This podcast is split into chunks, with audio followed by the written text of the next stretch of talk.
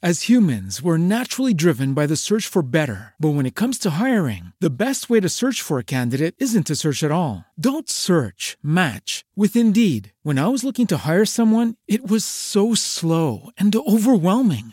I wish I had used Indeed. If you need to hire, you need Indeed. Indeed is your matching and hiring platform with over 350 million global monthly visitors, according to Indeed data, and a matching engine that helps you find quality candidates fast. Ditch the busy work. Use Indeed for scheduling, screening, and messaging so you can connect with candidates faster. And Indeed doesn't just help you hire faster. 93% of employers agree Indeed delivers the highest quality matches compared to other job sites, according to a recent Indeed survey. And listeners of this show will get a $75 sponsored job credit to get your jobs more visibility at Indeed.com slash podcast. That's Indeed.com slash podcast. Terms and conditions apply.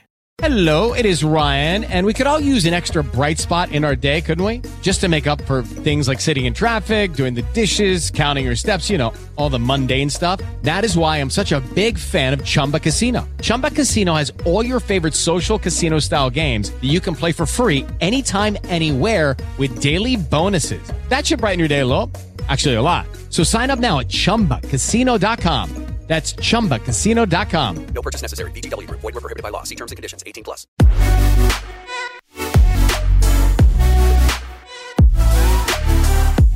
Witajcie moi drodzy. Ja nazywam się Agnieszka Kolbuch-Wągiel i jestem adwokatem, partnerem w kancelarii Ipsolegal, a to jest Prawna Posesja, czyli podcast o najciekawszych zagadnieniach oraz najbardziej frapujących problemach dotyczących prawa nieruchomości.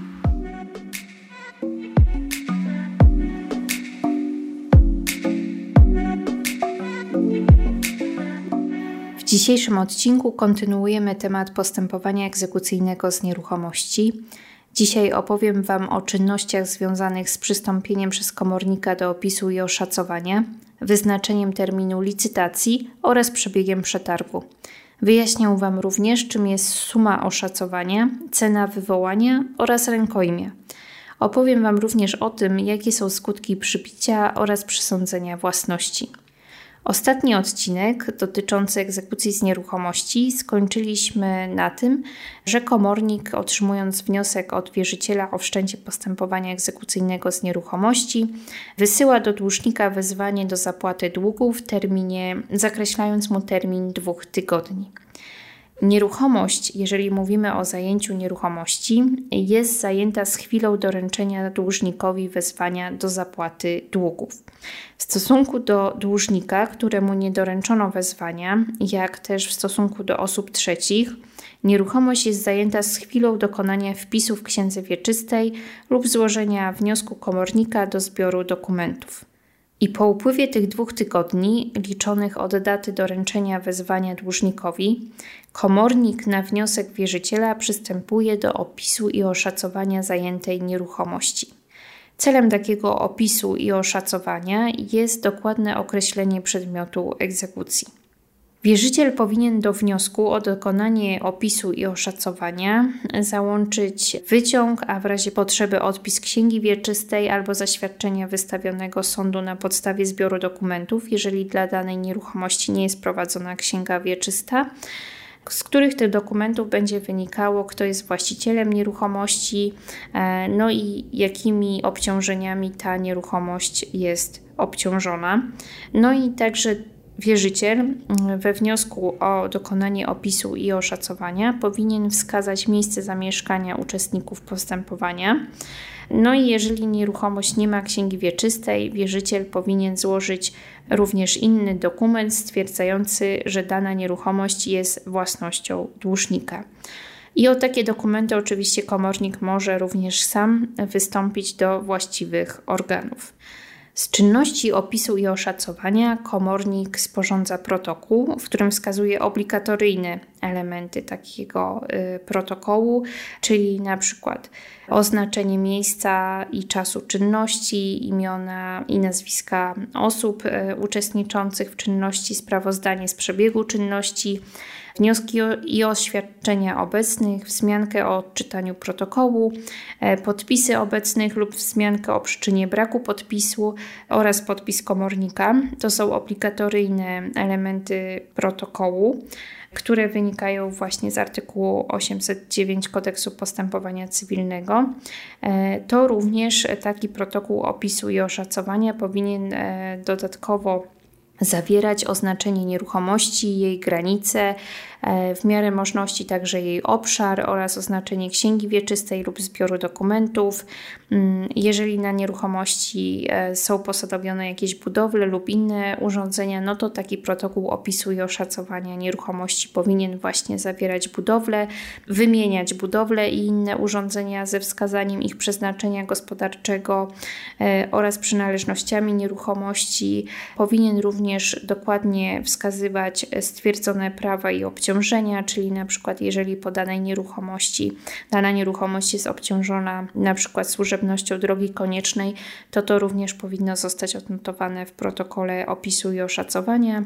E, jeżeli są zawarte jakieś umowy ubezpieczenia, no to taki, taka mm, informacja również powinna się znaleźć w protokole opisu i oszacowania Oczywiście w protokole opisu i oszacowania powinny zostać wymienione osoby, w których posiadaniu znajduje się nieruchomość, jej przynależności lub jakiekolwiek pożytki, które ta nieruchomość przynosi.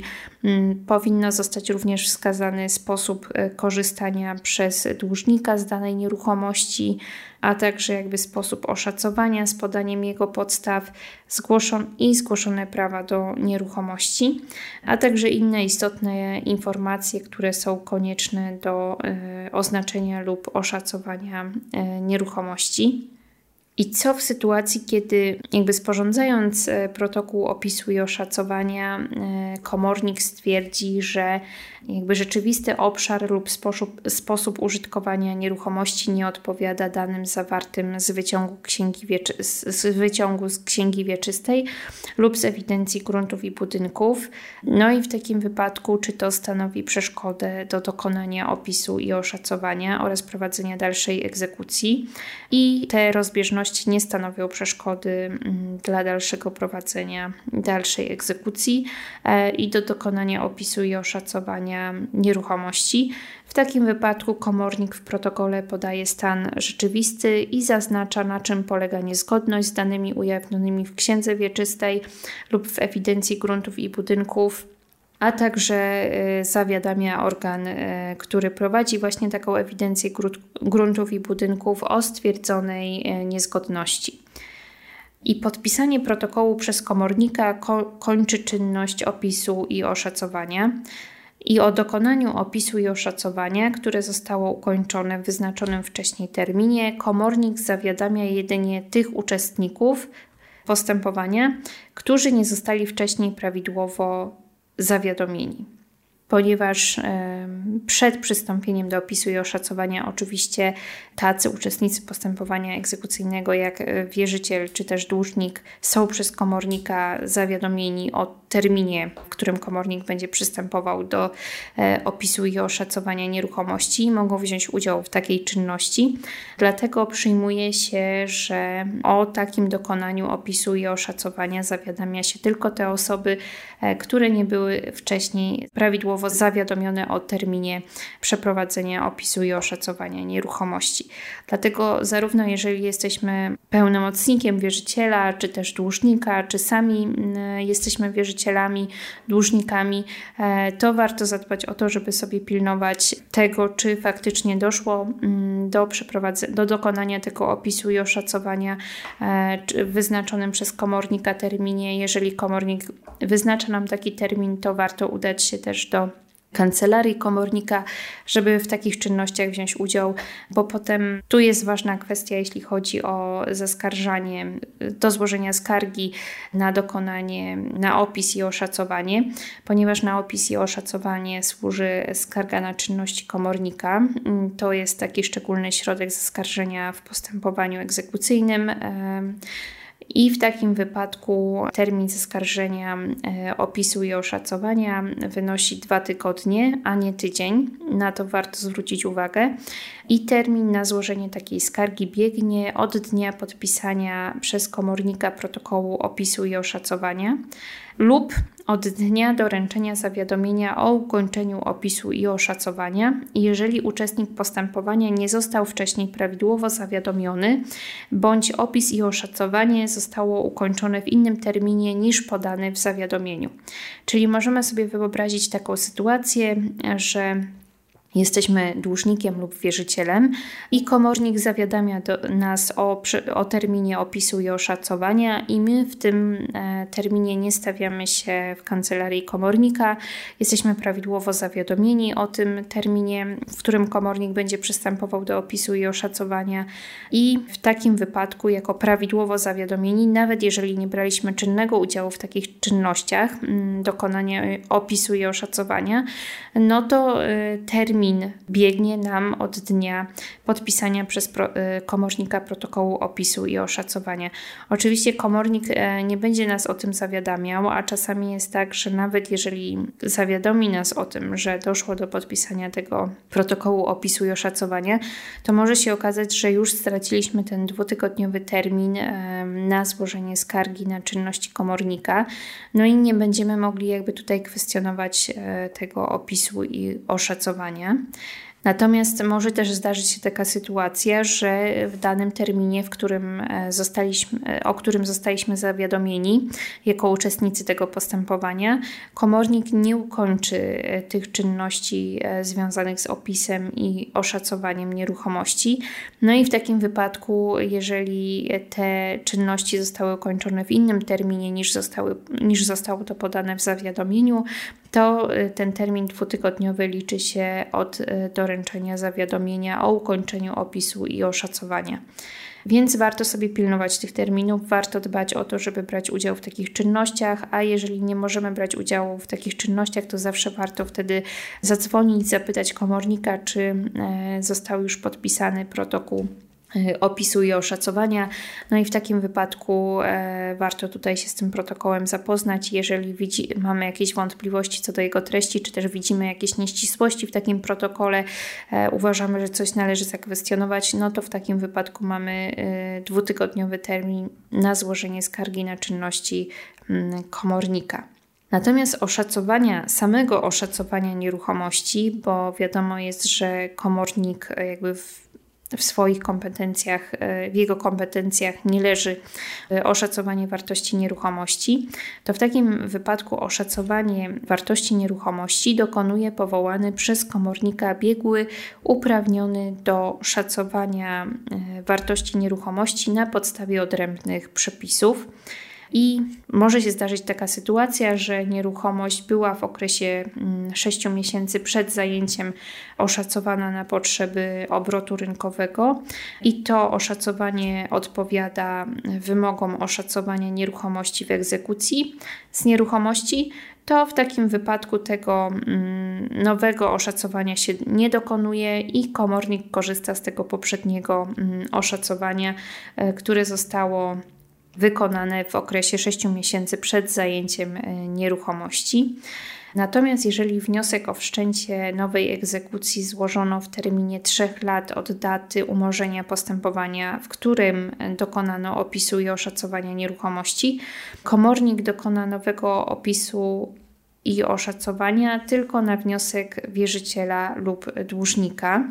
O tym też warto pamiętać. Czasami zdarza się taka sytuacja, że e, prowadzimy jakieś postępowanie egzekucyjne z, na przykład z nieruchomości, natomiast nie e, jakby tutaj ta egzekucja jest bezskuteczna, czy z jakichś przyczyn to postępowanie egzekucyjne z nieruchomości zostało umorzone, natomiast jakby został już dokonany opis i oszacowanie, no to w takim wypadku tego nowego e, opisu i oszacowania dokon komornik dokonuje tylko na wniosek wierzyciela lub dłużnika. I jeżeli już składamy tą skargę na czynności komornika, właśnie związane z opisem i oszacowaniem, to ta skarga, rozpoznanie tej skargi następuje postanowieniem sądu właściwego e, i na takie postanowienie przysługuje zażalenie. Także jeszcze mamy możliwość od, kolejnego odwołania się od takiego postanowienia sądu, który rozpoznaje skargę na czynności komornika. Trzeba również pamiętać o tym, że jeżeli w stanie nieruchomości pomiędzy sporządzeniem opisu i oszacowania a terminem licytacyjnym zajdą istotne zmiany, to na wniosek wierzyciela lub dłużnika może nastąpić dodatkowy opis i oszacowanie. Natomiast to jest kwestia tego, y, co to są istotne zmiany y, nieruchomości. Jeżeli uczestniczyliście w webinarach, które prowadziliśmy z komornikiem Krzysztofem Cukrem, to wiecie, że takie istotne zmiany w nieruchomości są różnie interpretowane, w szczególności przez dłużników. Na przykład potrafią wkręcić jakieś nowe lampy albo wykręcić te lampy, mm, jakby ogołocić tą nieruchomość e, z jakichś ruchomości, które znajdują się w środku.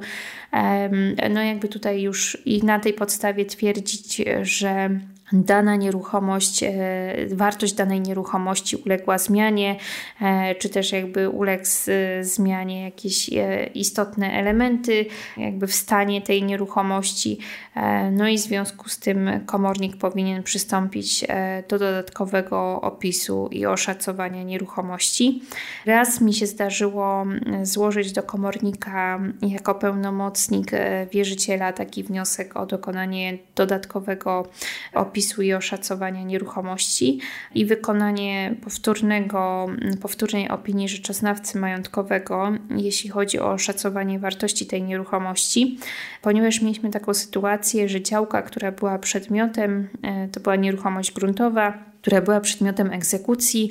W trakcie tej egzekucji zmienił się miejscowy plan zagospodarowania przestrzennego i obok tej działki e, zostało zlokalizowane lotnisko. Tam cała ta inwestycja już w niedługim czasie też e, ruszyła, więc to miało znaczący wpływ jakby na wartość też tej nieruchomości, która znajdowała się w sąsiedztwie tego lotniska. E, no i w związku z tym wystąpiliśmy do komornika z takim wnioskiem o przeprowadzenie dodatkowego opisu i oszacowania, jakby powołując się na te wszystkie okoliczności. Też w międzyczasie, e, jakby pomiędzy właśnie dokonaniem tego pierwszego opisu i oszacowania, a terminem licytacji, działka uzyskała dostęp do drogi publicznej, więc to też była jakby istotna okoliczność, która miała wpływ na wartość tej nieruchomości. Jakby oczywistym jest to, że ta wartość zwiększyła się.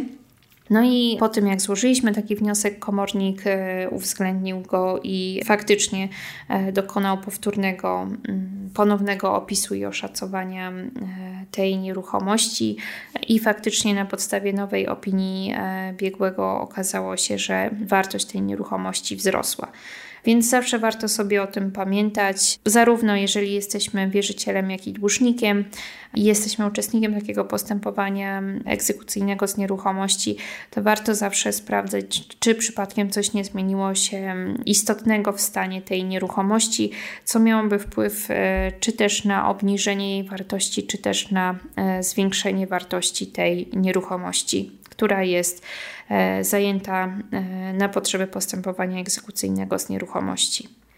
Zajęta nieruchomość ulega sprzedaży przez licytację publiczną i termin licytacji nie może być wyznaczony wcześniej niż po upływie dwóch tygodni po uprawomocnieniu się opisu i oszacowania. Termin licytacji lokalu mieszkalnego lub e, nieruchomości gruntowej zabudowanej budynkiem mieszkalnym, które służą zaspokojeniu potrzeb mieszkaniowych dłużnika, wyznacza się na wniosek wierzyciela. Wierzyciel jest uprawniony do złożenia takiego wniosku, jeżeli wysokość egzekwowanej należności głównej stanowi co najmniej równowartość 1 dwudziestej części sumy oszacowania. Czyli jeżeli suma, którą chcemy wyegzekwować w postępowaniu egzekucyjnym i skierowaliśmy tą egzekucję do nieruchomości, w której, która zaspokaja potrzeby mieszkaniowe dłużnika, no to w takim wypadku nie możemy złożyć wniosku o wyznaczenie terminu licytacji, jeżeli wartość tej sumy nie przekracza 1,20 części sumy oszacowania. To jest kwestia też tego, żeby nie pozbawiać dłużników, których dana nieruchomość zaspokaja potrzeby mieszkaniowe, e, żeby nie, nie pozbawiać ich dachu nad głową e, tylko dlatego, że tutaj ktoś wobec nich e, wszczął postępowanie egzekucyjne. No i kwestia jest też tego, że po prostu ta kwota jest stosunkowo niska w porównaniu do wartości takiej nieruchomości. E, więc możemy sobie wyobrazić taką sytuację, że po prostu gdyby tego przepisu nie było, e, gdyby takiego uregulowania nie było odnośnie tej e, równowartości jednej dwudziestej części sumy oszacowania, no to mielibyśmy taką sytuację, że nawet przy drobnych kwotach zostałaby wszczynane, zostałoby wszczęte postępowanie egzekucyjne z nieruchomości. No i gdyby ten dłużnik nie zapłacił w ciągu ciągu tych dwóch tygodni mm, należności, którą dochodzi wierzyciel w postępowaniu egzekucyjnym, no to w takim wypadku komornik przystąpiłby do opisu i oszacowania, następnie zostałby wyznaczony termin licytacji, ta nieruchomość zostałaby zlicytowana i faktycznie wierzyciel zostałby zaspokojony, jeśli chodzi o swoje roszczenie, natomiast ta pozostała kwota zostałaby wypłacona dłużnikowi. No i w takim wypadku dłużnik na przykład traci dom, w którym mieszka i jakby z tej kwoty, którą uzyskał w ramach tej licytacji, nie jest w stanie zaspokoić swoich potrzeb mieszkaniowych. Więc to też jest taki trochę ukłon ze strony naszego ustawodawcy w stosunku do mm, dłużnika. Natomiast y, też y, są przezabawne historie, jeśli chodzi o, o tych dłużników i zaspokajanie potrzeb mieszkaniowych, mm, bo zdarzają się też takie sytuacje, kiedy na przykład y, mamy nieruchomość gruntową, a dłużnik rozbija na niej namiot, no i twierdzi, że dana nieruchomość służy zaspokojeniu jego potrzeb mieszkaniowych, ponieważ on po prostu tam mieszka, no, co prawda w namiocie, ale jednak na swojej nieruchomości gruntowej. E, więc takie śmieszne sytuacje też e, się zdarzają. Dłużnicy są bardzo kreatywni, jeśli chodzi o e, sposoby udaremniania egzekucji z nieruchomości, więc e, na wszystko trzeba być przygotowanym, e, jeśli chodzi o egzekucję z nieruchomości. Jeżeli egzekucję z nieruchomości prowadzi kilku wierzycieli, to termin licytacji nieruchomości wyznacza się mm, również wtedy, gdy wnioski w tym przedmiocie złożyli wierzyciele, e, których łączna wysokość egzekwowanych należności głównych e, stanowi co najmniej równowartość 1,20 części e, sumy oszacowania. Czyli jeżeli mamy w dalszym ciągu nieruchomość, która jest, e, służy dłużnikowi do zaspokajania jego potrzeb e, mieszkaniowych, natomiast egzekucja jest prowadzona z wniosku kilku wierzycieli. Może być też tak, że po prostu jeden wierzyciel składa wniosek, a kolejni wierzyciele przy, przyłączają się do takiej prowadzonej już egzekucji.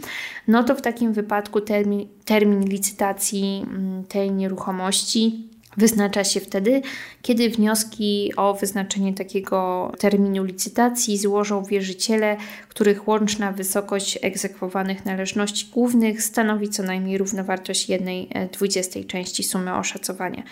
No i to jest też takie trochę remedium na tą pierwszą sytuację, bo mm, jeżeli jesteśmy wierzycielem, nasza kwota jest stosunkowo niewielka, to czasami może warto poczekać na to, czy może jakiś inny wierzyciel e, naszego dłużnika nie przyłączy się do tego postępowania egzekucyjnego, albo czy my e, nie moglibyśmy się przyłączyć do już wszczętego postępowania egzekucyjnego z nieruchomości. E, no i wtedy w takim wypadku, nawet jeżeli te nasze wierzytelności są niewielkie, to może się okazać, że ich łączna wysokość jakby stanowi co najmniej równowartość co najmniej 1,20 e, sumy oszacowania.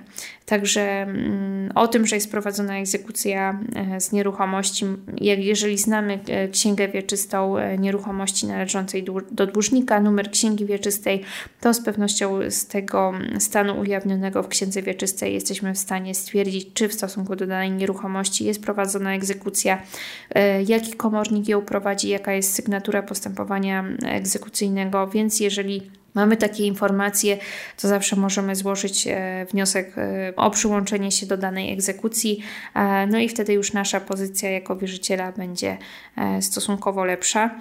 No chyba, że egzekucja As humans, we're naturally driven by the search for better. But when it comes to hiring, the best way to search for a candidate isn't to search at all. Don't search, match with Indeed. When I was looking to hire someone, it was so slow and overwhelming. I wish I had used Indeed. If you need to hire, you need Indeed. Indeed is your matching and hiring platform with over 350 million global monthly visitors, according to Indeed data, and a matching engine that helps you find quality candidates fast. Ditch the busy work. Use Indeed for scheduling, screening, and messaging so you can connect with candidates faster. And Indeed doesn't just help you hire faster. 93% of employers agree Indeed delivers the highest quality matches compared to other job sites, according to a recent Indeed survey. And listeners of this show will get a $75 sponsored job credit to get your jobs more visibility at Indeed.com slash podcast. That's Indeed.com slash podcast. Terms and conditions apply.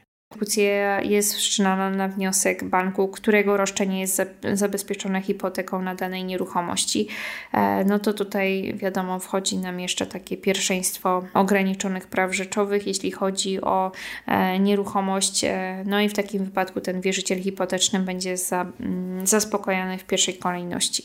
To też trzeba mieć na uwadze, jeżeli wszczynamy postępowanie egzekucyjne z nieruchomości.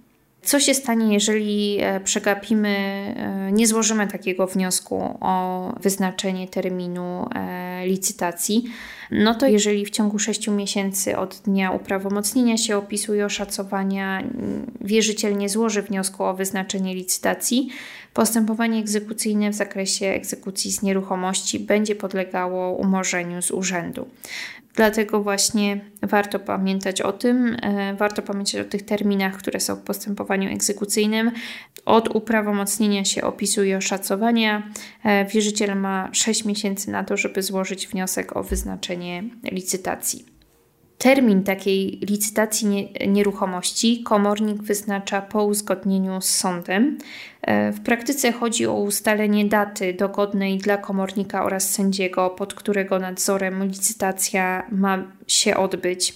Komornik powinien w tym celu przesłać sądowi również akty egzekucyjne, no i w takim wypadku sąd będzie miał możliwość spostrzeżenia niedokładności lub wadliwości postępowania oraz wydania postanowienia zmierzającego do zapewnienia należytego wykonania egzekucji czy usuwającego spostrzeżone uchybienia. I tak naprawdę uzgodnienia związane z terminem licytacji nie wymagają e, wydania żadnego orzeczenia ani przez komornika, ani przez sąd. I sądem, o którym mówię, czyli sądem, który e, nadzoruje to postępowanie egzekucyjne z nieruchomości, jest sąd rejonowy właściwy ze względu na miejsce położenia nieruchomości. Komornik zawiadamia o licytacji e, nieruchomości przez publiczne obwieszczenie, w którym wymienia m.in. nieruchomość, która ma być sprzedana, z dokładnym wskazaniem miejsca jej położenia i przeznaczenia gospodarczego.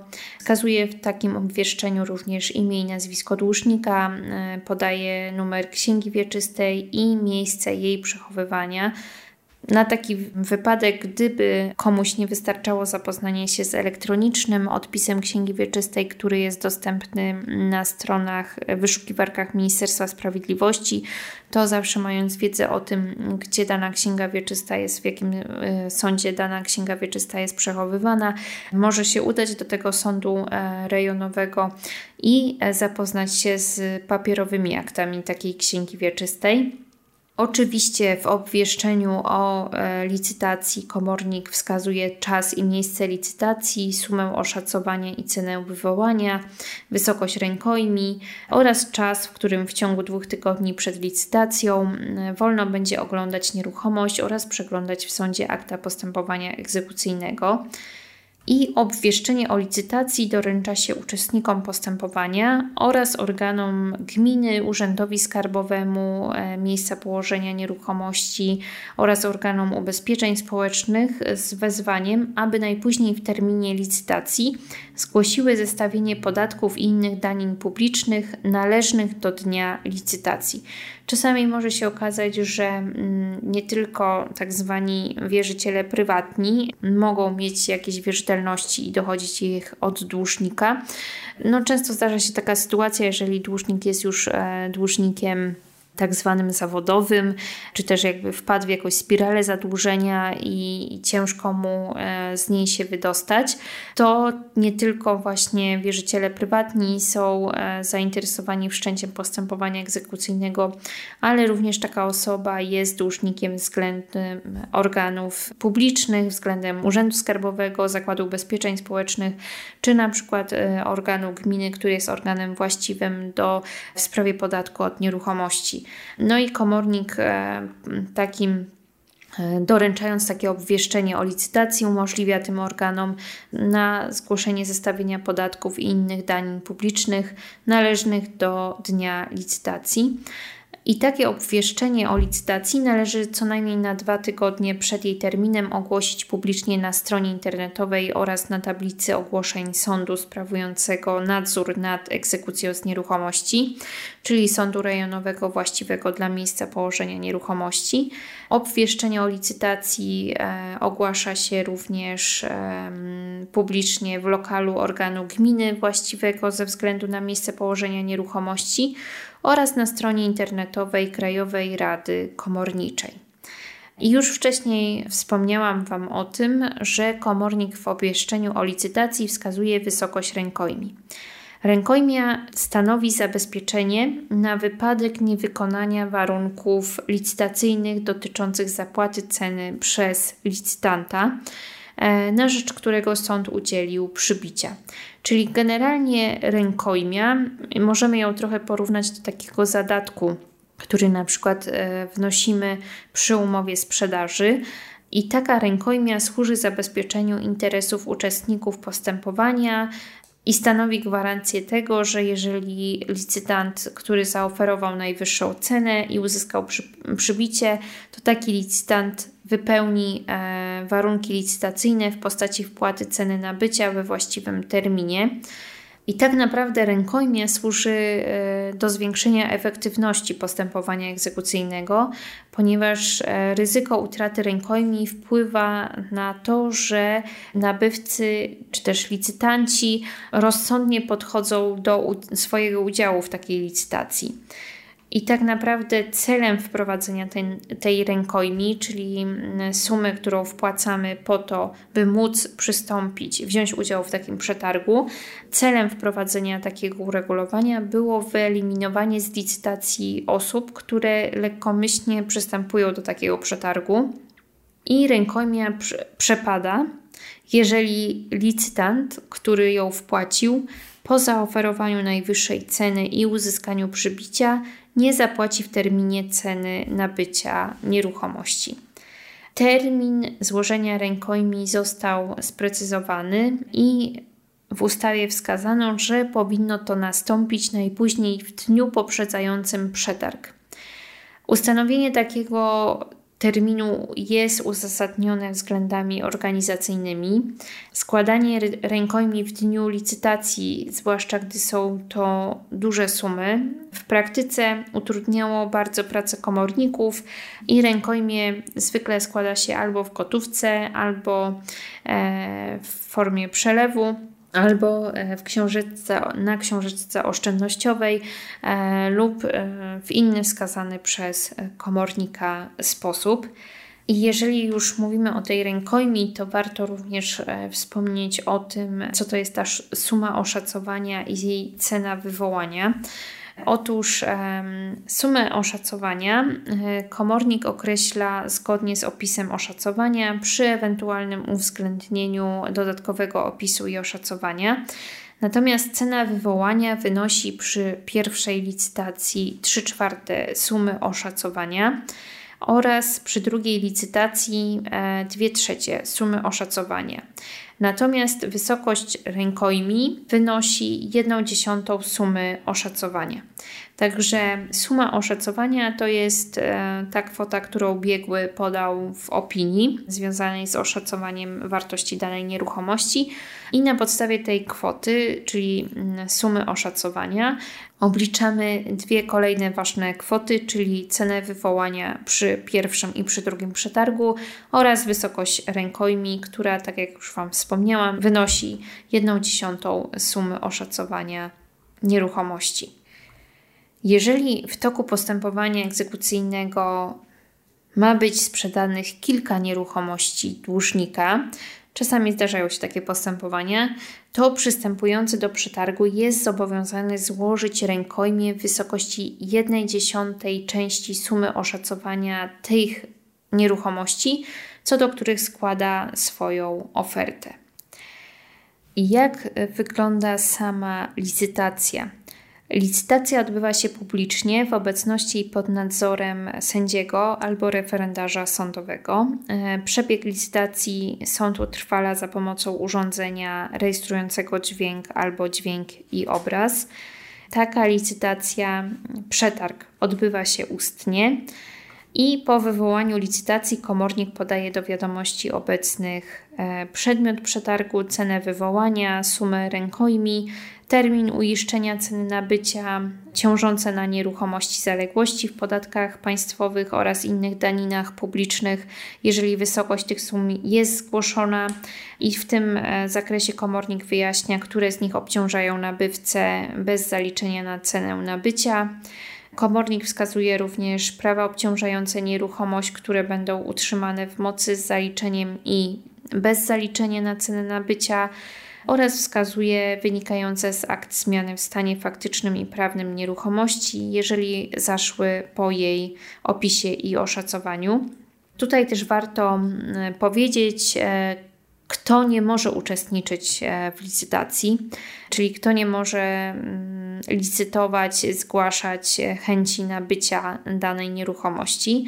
I w przetargu nie może uczestniczyć oczywiście dłużnik, e, komornik, e, ich małżonkowie, rodzice, dzieci, rodzeństwo oraz inne osoby obecne na licytacji w charakterze urzędowym, e, czyli dłużnik e, i komornik ani nikt z ich rodziny nie może uczestniczyć w licytacji.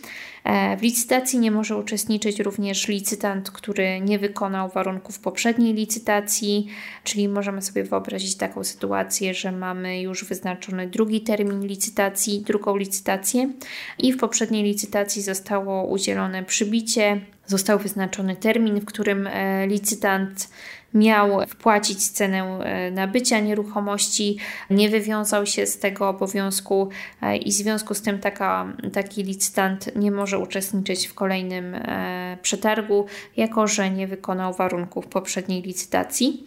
Nie mogą też uczestniczyć w przetargu osoby, które mogą nabyć nieruchomość tylko i wyłącznie za zezwoleniem właściwego organu, a zezwolenia takiego nie przedstawiły. I jeśli chodzi o, możemy to nazwać kworum, które jest potrzebne do przeprowadzenia takiej licytacji, to wystarczy, że na licytacji stawi się jeden licytant i e, to jest wystarczające do odbycia przetargu. Jeżeli natomiast taki licytant nie mógłby się stawić osobiście, e, nie, to może udzielić pełnomocnictwa do udziału w przetargu, e, tylko trzeba pamiętać, że takie pełnomocnictwo powinno być stwierdzone dokumentem z podpisem urzędowo poświadczonym. I e, jak wygląda kwestia postąpienia, czyli e, zaoferowania ceny wyższej e, niż na przykład e, inny licytant, który również bierze udział w tym przetargu. I tutaj kodeks postępowania cywilnego uregulował to w ten sposób, że postąpienie nie może wynosić mniej niż 1% ceny wywołania z zaokrągleniem wzwyż do pełnych złotych i zaoferowana cena przestaje wiązać, gdy inny licytant zaoferował cenę wyższą. Tylko tutaj trzeba pamiętać, że mm, to my oferujemy cenę postąpienia, jeżeli jesteśmy uczestnikami przetargu, czyli to nie jest tak, że mm, komornik niejako z urzędu oblicza, jaka jest cena postąpienia. E, tutaj osoby, które uczestniczą w takiej licytacji, sami muszą dokonać takich obliczeń i być przygotowanym na to, że będą musieli dokonać takich obliczeń. Tak naprawdę e, obraz postępowania egzekucyjnego, czy też tego, jak to jak wygląda licytacja, no, e, jest trochę zakłamany przez rzeczywistość filmową, fabularną. No i e, jeśli chodzi o e, takie postępowanie egzekucyjne, które toczy się na warunkach kodeksu postępowania cywilnego, no to tutaj tą cenę, to postąpienie powinien obliczyć sobie właśnie licytant, który uczestniczy w takim przetargu i to na nim spoczywa to ryzyko prawidłowego obliczenia tej kwoty postąpienia. Także o tym należy pamiętać. Po ustaniu postąpień, komornik uprzedzając obecnych, że po trzecim obwieszczeniu dalsze postąpienia nie będą przyjęte, obwieści trzykrotnie e, ostatnio zaoferowaną cenę, zamknie przetarg i wymieni licytanta, który zaoferował najwyższą cenę. I warto też również pamiętać o tym, że e, skargę na czynności komornika w toku licytacji możemy złożyć aż do zamknięcia przetargu, i w takim wypadku taką skargę zgłasza się ustnie sędziemu albo referendarzowi sądowemu nadzorującemu licytację, który natychmiast ją rozstrzyga. Po zamknięciu przetargu e, sąd w osobie sędziego albo referendarza sądowego, pod którego nadzorem odbywała się licytacja, wydaje na posiedzeniu jawnym postanowienie co do przybicia na rzecz licytanta, który zaoferował najwyższą cenę. I takie przybicie odbywa się mm, po wysłuchaniu zarówno tego licytanta, jak i innych uczestników postępowania. W takim postanowieniu e, o przybiciu wymienia się imię i nazwisko nabywcy, oznaczenie nieruchomości, datę przetargu i cenę nabycia. Natomiast, tak jak już wskazałam wcześniej, e, sąd może odmówić przybicia e, z powodu naruszenia przepisów postępowania w toku licytacji, jeżeli uchybienia te mogły mieć istotny wpływ na wynik przetargu. Sąd odmówi również przybicia, jeżeli postępowanie podlegało umorzeniu lub zawieszeniu, albo jeżeli uczestnik nie otrzymał zawiadomienia o licytacji, chyba że z tego powodu, czyli z powodu mm, nieotrzymania zawiadomienia o licytacji, nie nastąpiło naruszenie jego praw. E, albo będąc już na licytacji, nie wystąpił ze skargą na to uchybienie. Jeżeli sąd odmówi przybicia, mm, to komornik na wniosek wierzyciela wyznaczy ponowną licytację i postanowienie o przybiciu, które zapadło na posiedzeniu niejawnym, doręcza się wierzycielowi, dłużnikowi, nabywcy i osobom, które w toku e, licytacji zaskarżyły czynności związane z, z udzieleniem przybicia. E, jeżeli jest wyznaczony zarządca nieruchomości, to również takiemu e, zarządcy nieruchomości. Natomiast postanowienie o odmowie przybicia doręcza się wierzycielowi, dłużnikowi i licytantowi, który zaoferował najwyższą cenę. I e, takie postanowienie o udzieleniu przybicia, czy też o odmowie udzielenia przybicia, przysługuje zażalenie. Natomiast e, podstawą takiego zażalenia nie mogą być e, takie uchybienia przepisów postępowania, które nie naruszają praw skarżącego. Co się dzieje po uprawomocnieniu się przybicia i e, wykonaniu przez nabywcę warunków licytacyjnych? Jeżeli e, nabywca wykona warunki licytacyjne, to sąd wydaje postanowienie o przysądzeniu własności. Na postanowienie co do przysądzenia własności również przysługuje zażalenie i podstawą zażalenia nie mogą być uchybienia e, sprzed uprawomocnienia się przybicia. To jest ważna kwestia, e, chociaż czasami dłużnicy e, również składają takie bezzasadne zażalenia i powołują się na jakieś okoliczności e, czy też uchybienia sprzed uprawomocnienia się przybicia. Prawomocne postanowienie o przysądzeniu własności przenosi własność na nabywcę i jest tytułem do ujawnienia na rzecz nabywcy prawa własności w księdze wieczystej lub też e, przez złożenie dokumentów do zbioru dokumentów, jeżeli dla danej nieruchomości księga wieczysta nie jest prowadzona. Prawomocne postanowienie o przysądzeniu własności jest tytułem wykonawczym do wprowadzenia nabywcy w posiadanie takiej nieruchomości i opróżnienie znajdujących się na tej nieruchomości pomieszczeń bez potrzeby nadania takiemu postanowieniu klauzuli wykonalności. Od chwili uprawomocnienia się postanowienia o przysądzeniu własności na rzecz nabywcy należą do niego wszystkie e, pożytki z nieruchomości, Natomiast e, powtarzające się daniny publiczne, które przypadają e, z nieruchomości od dnia prawomocności postanowienia o przesądzeniu własności, ponosi nabywca.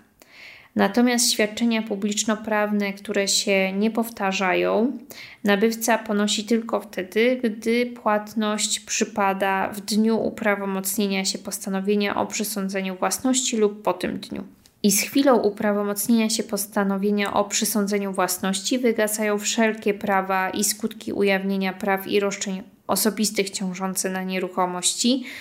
Na miejsce tych praw powstaje prawo do zaspokojenia sceny nabycia z pierwszeństwem przewidzianym w przepisach o podziale ceny uzyskanej z egzekucji natomiast pozostają w mocy bez potrącenia ich wartości sceny nabycia e, prawa ciążące na nieruchomości z mocy prawa, służebność e, drogi koniecznej oraz służebności ustanowione w związku z przekroczeniem granicy przy wznoszeniu budowli lub innego urządzenia oraz służebność przesyłu.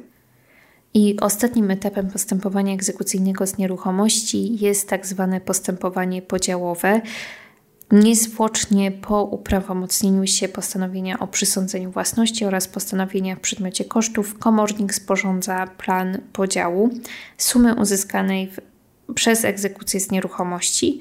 I jak sama nazwa wskazuje, w tym e, planie podziału komornik e, rozdziela tą kwotę uzyskaną w ramach egzekucji z nieruchomości pomiędzy wierzycieli, którzy by brali czynny udział w postępowaniu egzekucyjnym oraz e, wierzycieli, którzy w odpowiednim czasie zgłosili swoje roszczenia w stosunku do dłużnika. To tyle, jeżeli chodzi o postępowanie egzekucyjne z nieruchomości. Mam nadzieję, że chociaż pokrótce przybliżyłam Wam temat postępowania egzekucyjnego w ogóle, a także postępowania egzekucyjnego z nieruchomości.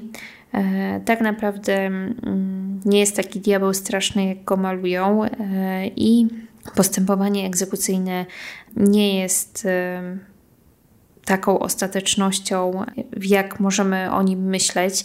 Istnieje bardzo dużo e, środków, e, które pozwalają zarówno wierzycielowi, jak i dłużnikowi czynnie uczestniczyć w tym postępowaniu egzekucyjnym, e, do czego, jeżeli niestety lub stety będziecie uczestnikami takiego postępowania egzekucyjnego, to serdecznie Was zachęcam, ponieważ tylko czynny udział w postępowaniu egzekucyjnym, aktywny udział w postępowaniu egzekucyjnym gwarantuje Wam to, że należycie zabezpieczycie w takim postępowaniu egzekucyjnym swoje interesy.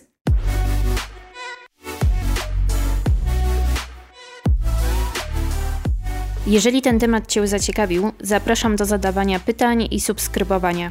Zapraszam Cię również do odwiedzenia naszej strony internetowej www.prawnaposesja.pl. W zakładce podcasty znajdują się wszystkie dotychczasowe odcinki prawnej posesji. Jeżeli chcesz być na bieżąco z nowinkami dotyczącymi prawa nieruchomości, zapraszam Cię do śledzenia naszych kont w mediach społecznościowych na Facebooku i na Instagramie. Wystarczy w wyszukiwarce wpisać ipsolegal oraz do dołączenia na Facebooku do grupy Prawna Posesja. Ja tymczasem dziękuję za dzisiejszy odcinek i już teraz zapraszam Cię na kolejny. Do usłyszenia w następnej prawnej posesji.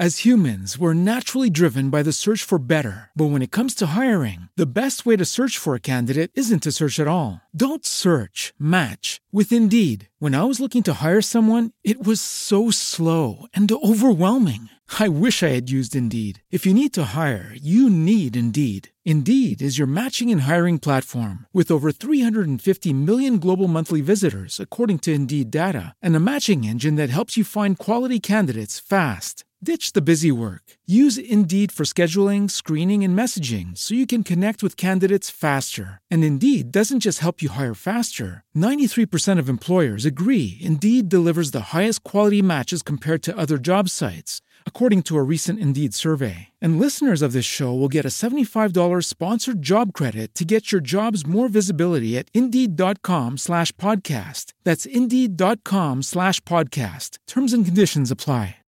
Lucky Land Casino asking people what's the weirdest place you've gotten lucky? Lucky? In line at the deli, I guess? Aha, in my dentist's office. More than once, actually. Do I have to say? Yes, you do. In the car before my kids' PTA meeting. Really? Yes. Excuse me, what's the weirdest place you've gotten lucky? I never win and tell. Well, there you have it. You can get lucky anywhere playing at LuckyLandSlots.com. Play for free right now. Are you feeling lucky? No purchase necessary. Void where prohibited by law. 18 plus. Terms and conditions apply. See website for details.